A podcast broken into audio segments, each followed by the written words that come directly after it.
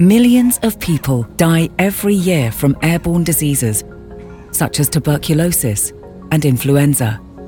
Where there are vaccines, these can stop you getting severely ill, but you can still get infected and pass the illness on to other people.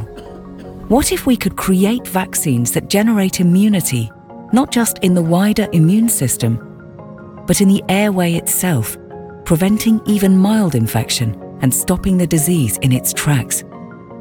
This is what NIVI, or the Novo Nordisk Foundation Initiative for Vaccines and Immunity, is setting out to explore. It's a new partnership between the Novo Nordisk Foundation and the University of Copenhagen that brings together world-class researchers and vaccine development experts.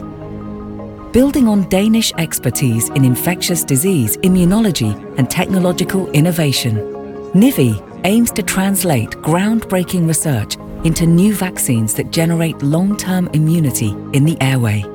Researchers will focus initially on tuberculosis, which kills more than a million people around the world each year. Group A streptococcus, a common infection that can cause severe complications, including heart disease, and new and dangerous strains of influenza that could lead to the next pandemic. These three very different infections put societies and healthcare systems under pressure. NIVI will compare different types of vaccine technology and delivery methods with the goal of developing the most effective vaccines for preventing infection and transmission. A key partner within Denmark will be Statens Serum Institute. NIVI will also collaborate with researchers and industry partners from around the world and with key international organizations.